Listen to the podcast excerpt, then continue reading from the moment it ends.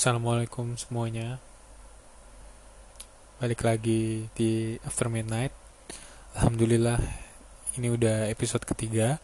Semoga Allah terus memberi kemudahan Buat gue untuk bikin Dan juga semoga banyak pertanyaan-pertanyaan juga ya Yang masuk dan menarik memang untuk dibahas. Dan semoga gue juga tahu uh, Jawaban atau saran atau solusi yang bisa gue berikan Sekali lagi untuk mengingatkan teman-teman yang mau submit story, questions atau saran kritik yang mau dibahas di podcast ini bisa kirim langsung via email aja ya. Jangan DM Instagram soalnya biasanya ketumpuk dan gak ngecek DM gitu setiap hari. Kalau email gini kan lebih rapi. Bisa email ke aftermidnight.com rdmd at gmail.com insyaallah dibaca. Insyaallah. Dan ada beberapa memang yang ceritanya sangat panjang. Tapi memang itu gue minta sih. Gue minta sedetail mungkin. Jadi mungkin tapi karena keterbatasan waktu mungkin ceritanya akan gue pangkas. Semoga tidak menghilangkan esensi yang dimaksud. Karena kadang ada yang ceritanya muter-muter padahal intinya satu. Tapi memang ada sih yang memang penting untuk esensi si cerita. Tapi ada juga yang tanya nanya pendek-pendek. Nah ini gue lagi buka email. Alhamdulillah masih ada pertanyaan. Alhamdulillah masih ada stok pertanyaan. Ini nah, mungkin langsung aja gue bacain kali ya Bismillah, ah bahas dong cara lepas dari orang sudah kadung obses dengan kita. Kadung tuh apa ya? Kadung tuh terlanjur ya kalau nggak salah. Tentang eh, cara lepas dari orang yang sudah terlanjur obses sama kita. Pertama itu dalam Islam so, ketika kita mengeluh-elukan orang yang berlebihan itu kan dilarang ya istilahnya gulu hulu. Jadi memang nggak baik sih. Apalagi ya maksudnya ke manusia maksudnya ya ke siapa kita ini siapa sih? Bahkan ke para ahli ilmu pun kita tidak boleh. Ketika mereka melakukan kesalahan kita tidak bisa membenarkan begitu saja hanya karena kita obses sama mereka punya tindakan berlebihan gitu. Tapi kalau ada orang lain yang obses ke kita pertama kita mungkin ya kalau kita harus tegas sih.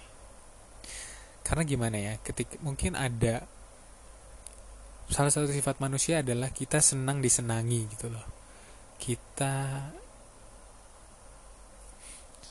jadi mungkin pasti ada part dari diri kita yang istilahnya apa ya mungkin menarik ulur memanfaatkan atau uh, ya menikmati gitu loh. Ada orang yang obses sama kita ada orang yang senang sama kita yang bisa kita jadi. Memang terkesan jahat sih tapi well let's face it. Maksudnya sifat dasar manusia kita senang disenangi gitu loh. Jadi yang pertama kita harus luruskan niat jelas dan tegas gitu loh bahwa ini tidak baik kalau diteruskan. Jadi saya menegaskan bahwa saya tidak suka tindakan kamu yang seperti ini. Bisa dibicarakan atau bisa dengan tindakan juga sebenarnya cukup. Mungkin mulai jadi saya nggak tahu ini yang obses jenis kelaminnya uh, laki-laki laki-laki ke perempuan atau perempuan ke laki-laki. Ini yang kirim dari emailnya sih laki-laki. Tapi saya nggak tahu maksudnya obses ke dia perempuan atau teman laki-laki atau gimana yang jelas harus dibicarakan dan mungkin pertama dengan tindakan. Sebenarnya karena tindakan tuh jelas ya. Ketika kita risih ya tunjukkan kalau kita risih. Kita stop langsung jangan diteruskan gitu loh. Kita tolak kita jaga jarak. Tapi kalau menimbulkan dampak yang lebih buruk misalnya jadi malah ribut atau apa mungkin bisa dijelaskan dengan omongan perkataan dengan alasan-alasan juga. Tapi ya kita jangan sampai kayak tarik ulur gitu. Oh gue mendapatkan keuntungan dari obsesnya nih orang ke gue. Jadi nggak apa-apa lah ya dikit-dikit aja gitu. Jangan. Harus kasih tahu yang tegas. Jangan kayak gini jangan kayak gini jangan kayak gini. Paling nggak dari kita tuh ada usaha. Usaha untuk melepas berlepas diri gitu loh dari apa yang dia lakukan. Maksudnya kita udah bilang itu salah gitu loh. Kalau dia masih melakukan ya terus nasihati bahwa itu tidak baik. Itu dalam hubungan dalam agama pun nggak baik. Jadi intinya harus tegas dalam bertindak dan berkata gitu. Dan berdoa kalau memang ini teman. Maksudnya orang yang obses ini teman yang baik ya maka kita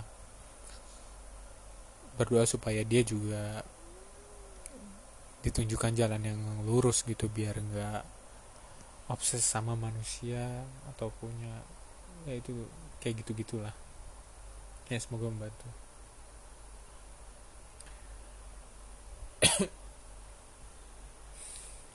Nah ini yang kedua. Bismillah semoga dibaca Dua tahun lalu, 2017, saya sempat mengalami kecelakaan motor di salah satu rel kereta di kota Blabla. Kondisi rel memang nyerong sama badan jalan dan waktu itu habis hujan besar juga. Pas motor jatuh di tengah rel, kaki kiri kehimpit motor yang otomatis bikin gak bisa gerak. Bareng banget dengan kejadian itu, palang penutup jalan turun, plus bunyi alarm peringatan kereta lewat oh plus bunyi alarm peringatan kereta lewat kedengaran. Seketika panik dan pikiran langsung mati mati mati. Stupid memang bukannya ingat sang pencipta malah ingat matinya. Tapi alhamdulillah Allah masih kasih kesempatan buat menghidup buat menghirup kali ini maksudnya buat menghirup oksigen lagi dan memperbaiki semuanya kalau enggak ya nggak mungkin juga saya bisa kirim email ini dulu ankle lutut kiri sempat bergeser dan perlu recovery selama enam bulan penuh nggak bisa ditekuk dan jelas nggak bisa jalan sholat harus duduk dan baru menyadari betapa nikmatnya satu detik waktu sehat setelah enam bulan tersebut.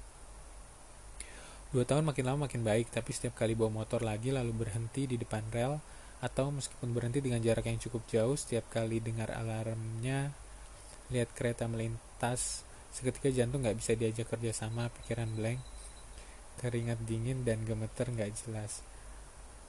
Mungkin bisa dibahas tentang menangani mengenai PTSD itu terutama cara menanganinya dan tentu saja cara mengatasi rasa takut akan kematian dalam pandangan Islam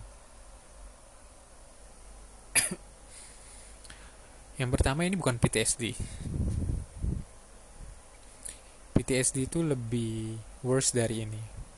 Salah satu uh, simptomnya adalah recurring nightmares. Dan biasanya dia nggak langsung tuh. Kebanyakan tuh orang-orang yang uh, prajurit-prajurit yang ikut perang. Mereka fine-fine aja di kala itu tapi setelah satu tahun dua tahun kemudian mungkin karena waktu itu banyak melihat uh, pembunuhan mayat gitu dari segala macam usia dan itu punya F dampak di pandangan dia terhadap kehidupan. Oh ya yang belum tahu PTSD itu singkatan dari Post Traumatic Stress Disorder. Uh, jadi ada pas katrau event trauma event gitu yang membekas salah satu simptomnya biasanya ada recurring nightmares gitu. Maksudnya uh, recurring itu uh, lagi-lagi lagi dan lagi apa sih? Berulang berulang. Nightmares yang berulang uh, yang terkait sama kejadian itu. Dan simptomnya pun juga untuk mendiagnosa seorang itu terkena PTSD itu ada hmm, waktunya ya. Maksudnya setelah dia mengalami simptom-simptom itu selama berapa lama seingat saya at least one month setelah traumatic event itu. Tapi juga munculnya simptom tuh nggak nggak selalu langsung gitu loh. Mungkin beberapa bulan kemudian atau beberapa tahun kemudian. Ada defense mechanism repress di sini. Simptomnya itu basically ada tiga jenis. Re-experiencing the trauma. Entah itu flashback atau nightmare. Terus emotional numbness. Kayak mulai menarik diri. Nggak nggak nggak ada keinginan untuk melakukan aktivitas. Berini sama orang apa berinteraksi sama manusia lainnya. Dan juga eh, rangsangan yang sulit dikontrol. Jadi menyebabkan susah tidur susah konsentrasi jadi kayak gampang marah gampang kesel irritated easily gitu loh.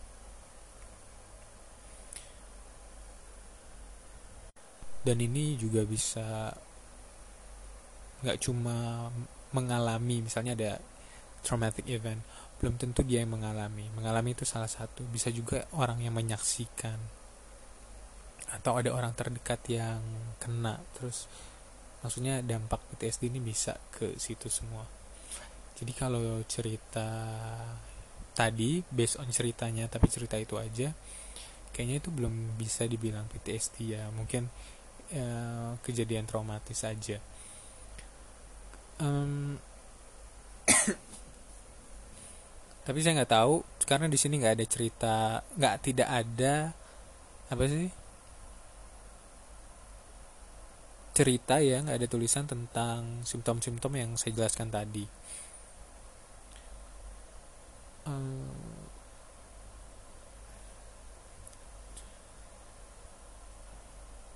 itu satu. Lalu cara menanganinya ya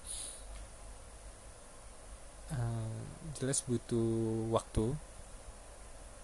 Pelan-pelan aja. Mungkin uh, ingatkan lagi kejadian itu kemarin itu punya faktor-faktor yang mendukung gitu loh. Satu hujan. Dua apalagi? Relnya nyerong. Tiga emang pas ini lewat apa namanya? Kereta lewat. Jadi uh, dicoba pelan-pelan aja. Hmm, nanti seiring berjalannya waktu insya Allah fine fine aja. Dan ya balik lagi harus salah memang nggak bisa sih. Maksudnya gue pribadi ketika memberi solusi itu tidak memang solusi paling baik ya maksudnya bisa dilaksanakan semua orang yang eh, nggak eh, butuh terapi lama nggak butuh eh, apa sih mengeluarkan tools atau budget yang banyak. Semua orang punya kesempatan yang sama soal ini yaitu perkuat iman sih. Karena semua kejadian itu terjadi karena memang sudah takdirnya. Kita harus beriman sama takdir kita harus beriman kepada Allah juga. Bahwa kejadian-kejadian seperti itu ya terjadi atas kehendak Allah. Dan selamatnya kamu pun itu atas kehendak Allah. Dan bagaimanapun kita lari dari kematian kalau memang sudah ajal mau nyelip di rel kereta kayak mau kita ngurung diri di kamar pun itu ajal pasti sampai ini semoga juga menjawab pertanyaan ketiga kita ya. Cara mengatasi rasa takut akan kematian. Itu fitrah kita mati itu pasti. Jadi yang nggak harus di luar sebenarnya di dalam pun kita akan mati. Dan waktu kita sudah ditentukan bahkan sebelum kita lahir. Jadi ya ya pick a good side. Pilihlah yang satu sisi dengan Allah yang punya kuasa atas segala sesuatu. Kita takut itu karena kita nggak tahu. Itu pertama yang membuat kita takut. Atau kita tahu dan memang itu menakutkan. Sekarang pertanyaannya kenapa kita takut? Mati. Ya ada ada takut yang sifatnya fitrah ya. Maksudnya ya mungkin ya mati itu kan menyakitkan. Pasti kita semua mau mati dalam keadaan yang baik. Mungkin takut mati dalam keadaan yang tidak baik. Atau mati uh, dalam keadaan nauzubillah sedang melakukan maksiat atau kita lagi ya pokoknya yang menyeramkan kayak gitu. Dan itu wajar sebenarnya uh, yang tidak wajar adalah ketika ini menjadi satu hal yang berlebihan. Jadi kita jadi takut ke mana-mana misalnya. Jadi kita takut ngapa-ngapain. Dan ya itu ya balik lagi. Kita harus percaya bahwa kematian kita sudah ditentukan waktu dan bagaimananya. Yang penting adalah bagaimana kita mempersiapkannya kan? Bagaimana usaha kita mempersiapkan kematian sehingga ketika kematian datang paling tidak kita sudah berusaha semampu kita untuk berada dalam kebaikan. Kan intinya itu. Jadi ya ya gitu. Mau gimana lagi semua pasti akan mati.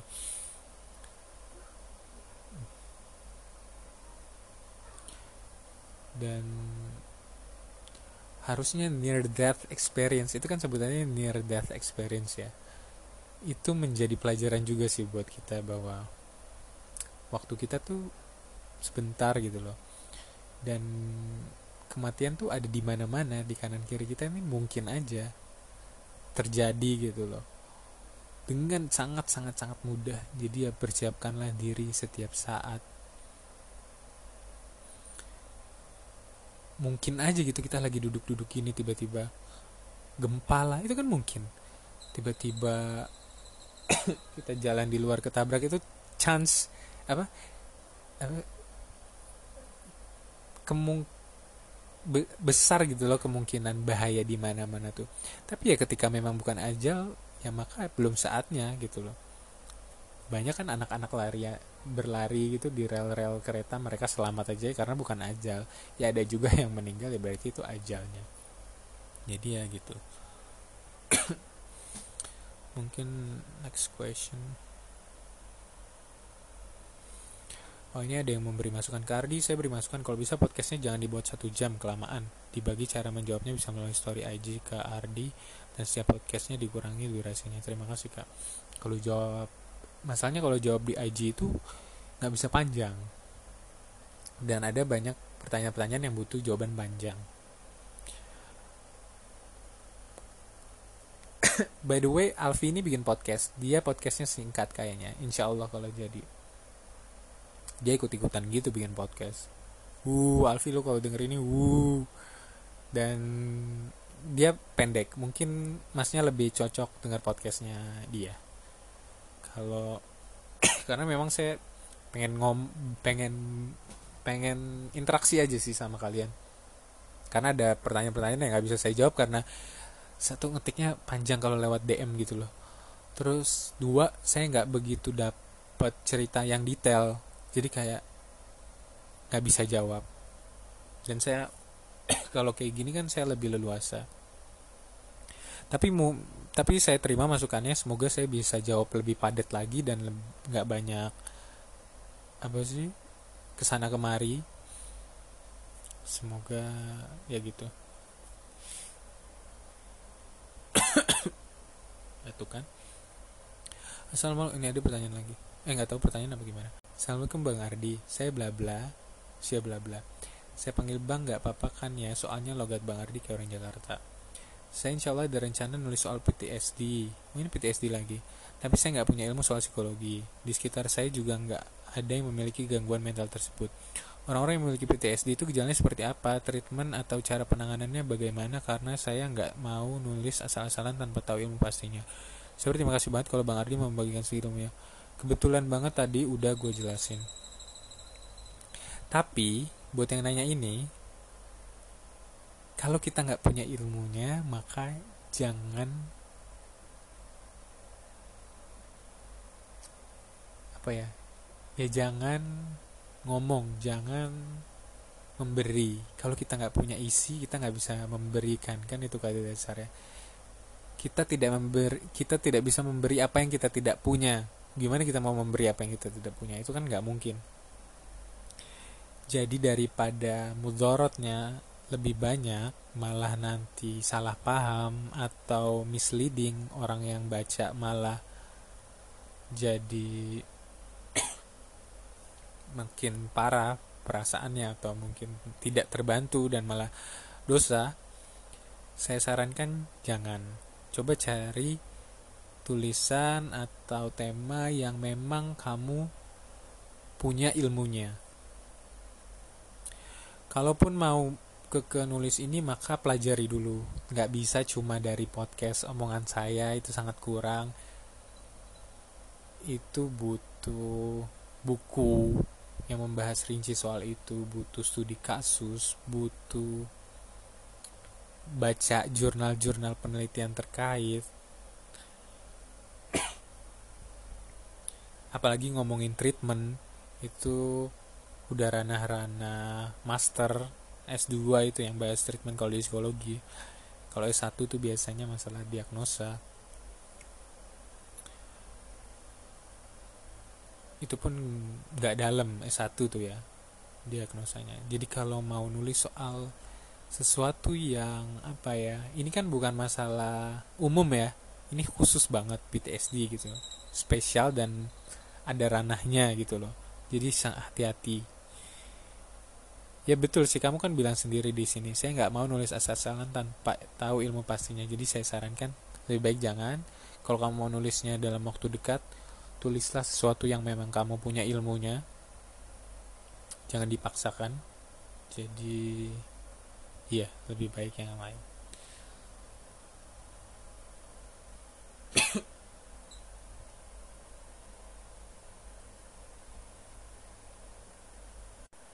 Nah ini ada lagi cerita.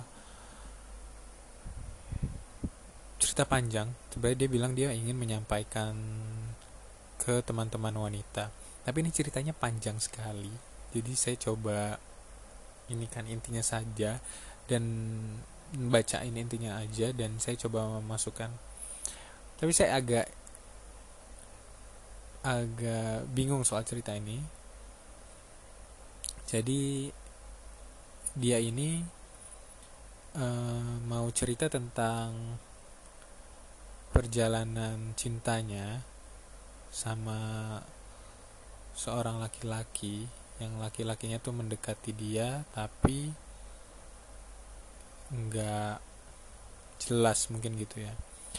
Tapi di cerita ini ada salahnya sih. Maksudnya mereka chattingan dan itu nggak boleh sebenarnya. Makanya gue nggak bisa baca semuanya juga gue takut sal salah. Karena uh, jadi kayak dari awal juga udah ya salah sendiri gitu. Nggak boleh sebenarnya laki-laki dan perempuan chattingan apalagi menjurus menjurus gitu ya. Kalau memang mau nikah atau apa hubungi orang tuanya aja langsung buat laki-laki. Dan cewek jangan terlalu murah. Langsung menanggapi begitu aja. Ya pokoknya di sini dia bilang cowoknya ini cerita banyak hal tentang dirinya sendiri bilang udah punya inilah udah punya itulah. Sebenarnya dia bilang dia nggak pernah mau ketemu gitu juga dia menjaga diri dalam hal ketemu. Tapi suatu saat dia ketemu karena mau ngasih satu barang kalau nggak salah. Mau bantu. Sebenarnya nggak perlu juga sih bisa dititipin ya kan ya? Nah gue nggak bisa banyak baca ceritanya panjang karena ini banyak celahnya yang yang yang yang jadinya malah gue komenin gitu loh. Jadi kalau ya salah sendiri ya salah sendiri gitu loh. Ya pokoknya dia whatsappan. Intinya dia bilang pesannya yang dia mau sampaikan.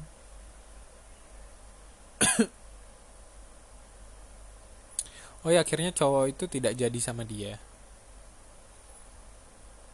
cowoknya ini juga aneh dia bilang dia pernah cerita bahwa justru dia dekat sama cewek lain. Ya pokoknya memang udah kacau dari awal sih ya jadi ya nggak heran. Pastilah endingnya kayak model-model gini tuh harusnya udah bisa terbaca ya di awal.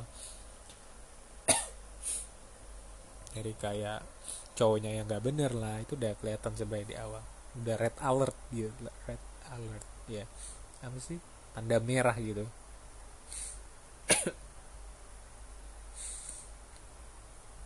uh, dan pasti hal-hal kayak gitu tuh membekas di hati ya. Jadi makanya dia cerita di sini. Dia bilang mungkin dia nggak ngomong langsung ini tapi ini adalah proses move on. Dan it's hard gitu loh padahal dia bukan apa-apanya. Makanya hati-hati. Walaupun cuma gitu-gitu doang ya. Pokoknya dia pengen bilang bahwa ya jangan kayak dia gitu loh intinya. Ya bagus sih. Dia bilang cinta itu bukan segala-galanya. Perasaan itu nggak sepenuhnya benar. Orang yang datang tanpa membawa bekal apa-apa bahkan untuk hidupnya sendiri orang yang datang bahkan tanpa kepastian apa pun dengan dalih ingin menikahimu mereka nggak lebih penting dari kamu yang harus membaik setiap hari. Bukan karena seorang tapi karena memang butuh baik setiap hari. Sebagai manusia sebagai hamba Allah. Ya. Ya intinya itu yang dia ingin sampaikan. Dan ya saya setuju. Tapi memang semoga bisa dijadikan pelajaran buat teman-teman lain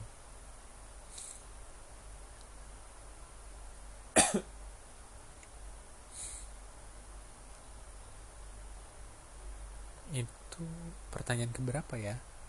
Gue selalu lupa keep on track. Mungkin ini terakhir kali ya. Assalamualaikum kak. Hai kak Ardi. Apa kabar? Alhamdulillah baik. Nama saya bla bla dari bla bla. Saya salah satu follower pembaca buku dan pendengar podcast kakak. Oke. okay. Aku pengen cerita dan minta saran lebih tepatnya pengen dapat solusi. Jadi di rumah itu punya kakak kandung umurnya sekian. Karakter dia itu keras dan egois. Karakter kami kurang lebih sama kak. Kami sering banget ribut karena hal kecil dan sering banget dia lebih dibela ayah karena dia mungkin ya nggak tahu juga karena apa. Gimana sih? Karena dia mungkin ya nggak tahu juga karena apa. Sering banget kak berantem di rumah kadang sampai pukul wow pukul-pukulan sadis juga kadang sendiri eh kadang saya sendiri benci sama kakak karena sikapnya. Dia tuh kakak harusnya dia lebih mengalah apa pun itu sama adiknya.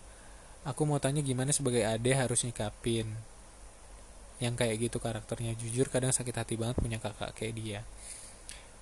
Aku lihat teman-teman yang punya kakak juga mereka nggak terlalu kayak gitu kak.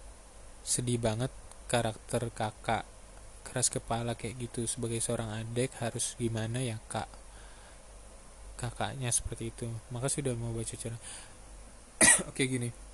Ketika kita mau merubah seseorang itu kita harus merubah diri kita dulu sih. Karena itulah yang kita punya control of.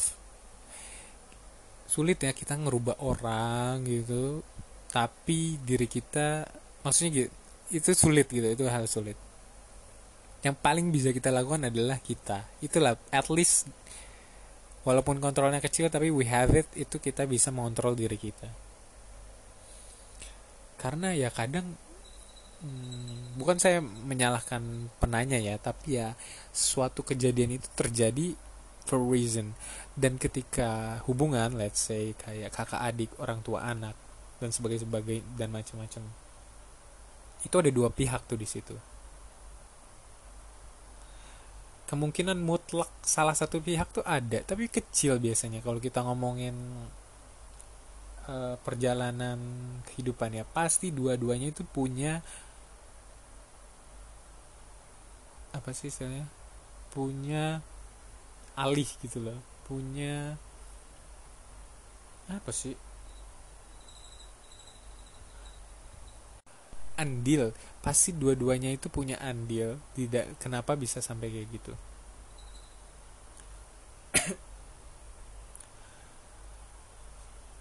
Sekarang gini kalau kita derajat kita lebih tinggi mungkin gini loh. Saya kita kenal orang nih. Ada orang yang caur ada orang yang ngasal deh ngomongnya nggak dijaga terus sifatnya jelek terus juga bercanda mulu bawaannya atau ngeselin gimana gimana. Terus kita punya satu teman lagi nih dia wibawa. Dia menjaga adab.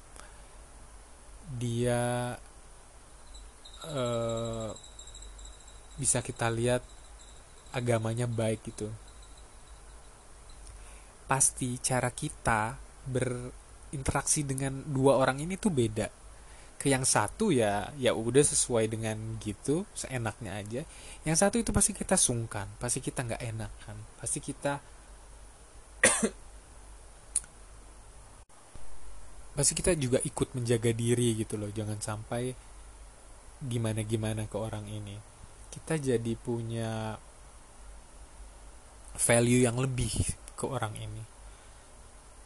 Dan begitu pun makanya ketika kita anak-anak di rumah ya misalnya di keluarga ketika kita act seperti anak-anak maka kita akan diperlakukan seperti anak-anak. Ya diomelin di apa sih disuruh ini itu di ome eh, diomelin udah ya dikritik gini-gini dilarang ini itu.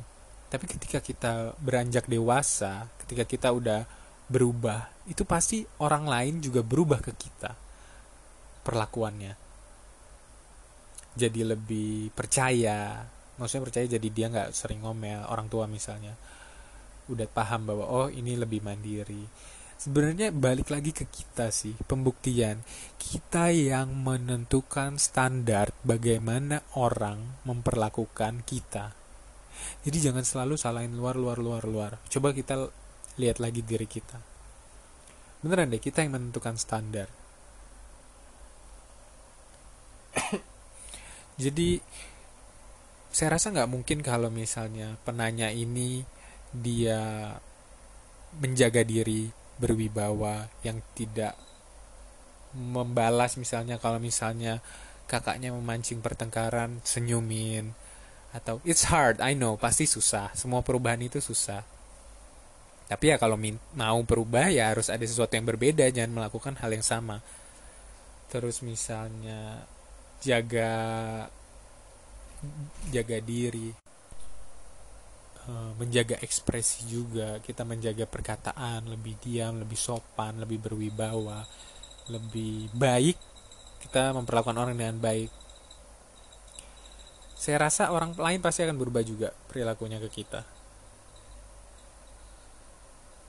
Dan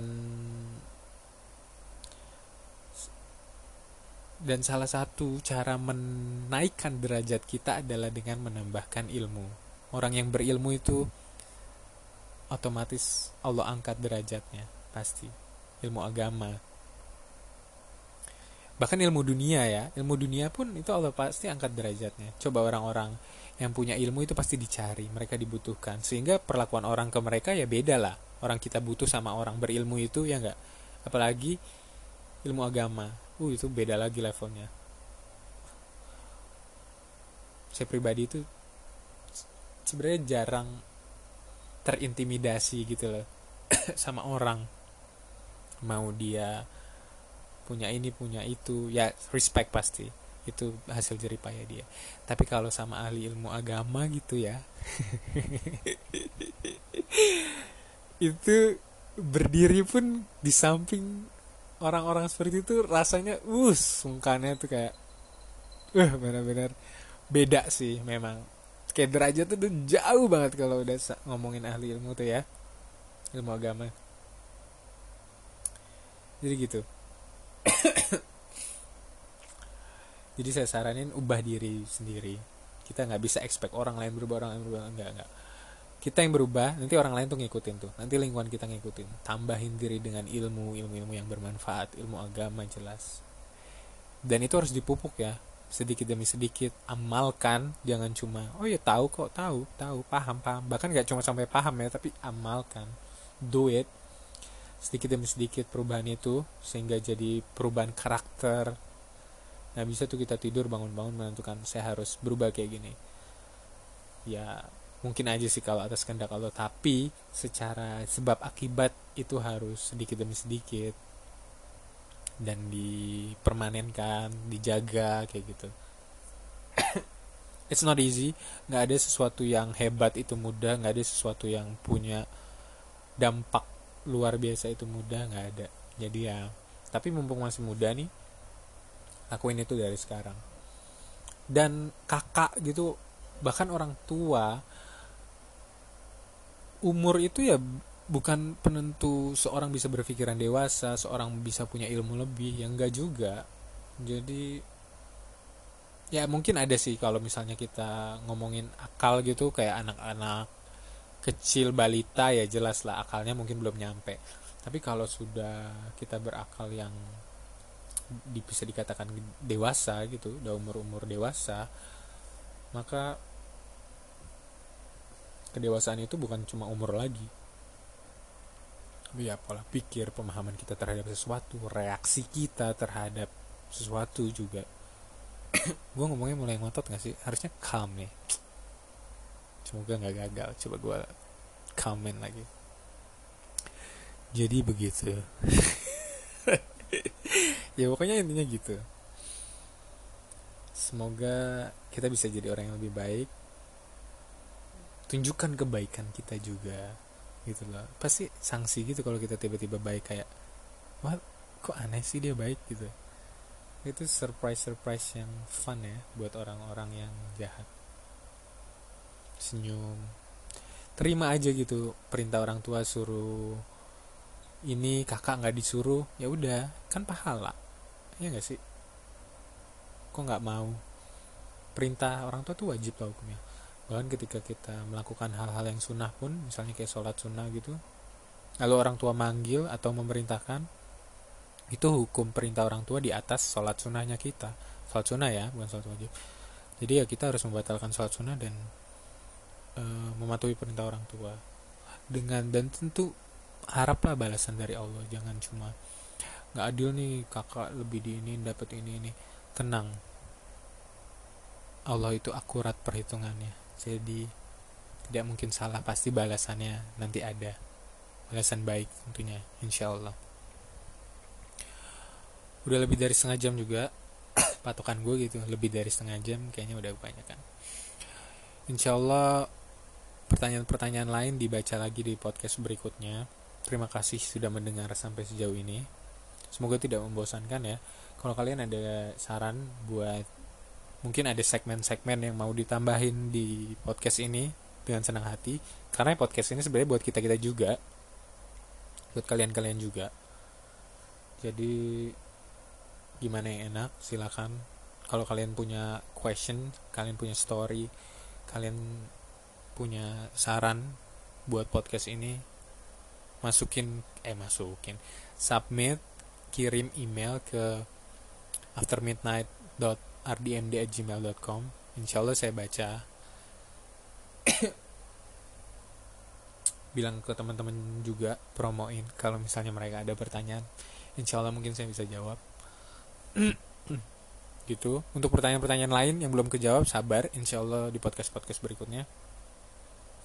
Sekali lagi makasih buat yang dengerin. Semoga bermanfaat dan bisa merubah kita atau ya menjadi lebih baik lah. Assalamualaikum semuanya selamat beristirahat selamat puasa juga semoga Allah menerima ibadah-ibadah kita. Ah ya dan saya punya pesan juga jangan lupa banyak-banyak berdoa supaya ibadah kita diterima gitu loh jangan kepedean. Uh, ibadah apa pun kita harus sering-sering banyak berdoa supaya ibadah kita diterima. Udah itu aja karena ini bulan-bulan rugi kalau nggak ibadah bulan-bulan yang berlomba gitu loh. Jadi ya gitu. Ya udah itu aja. Assalamualaikum semuanya. Dadah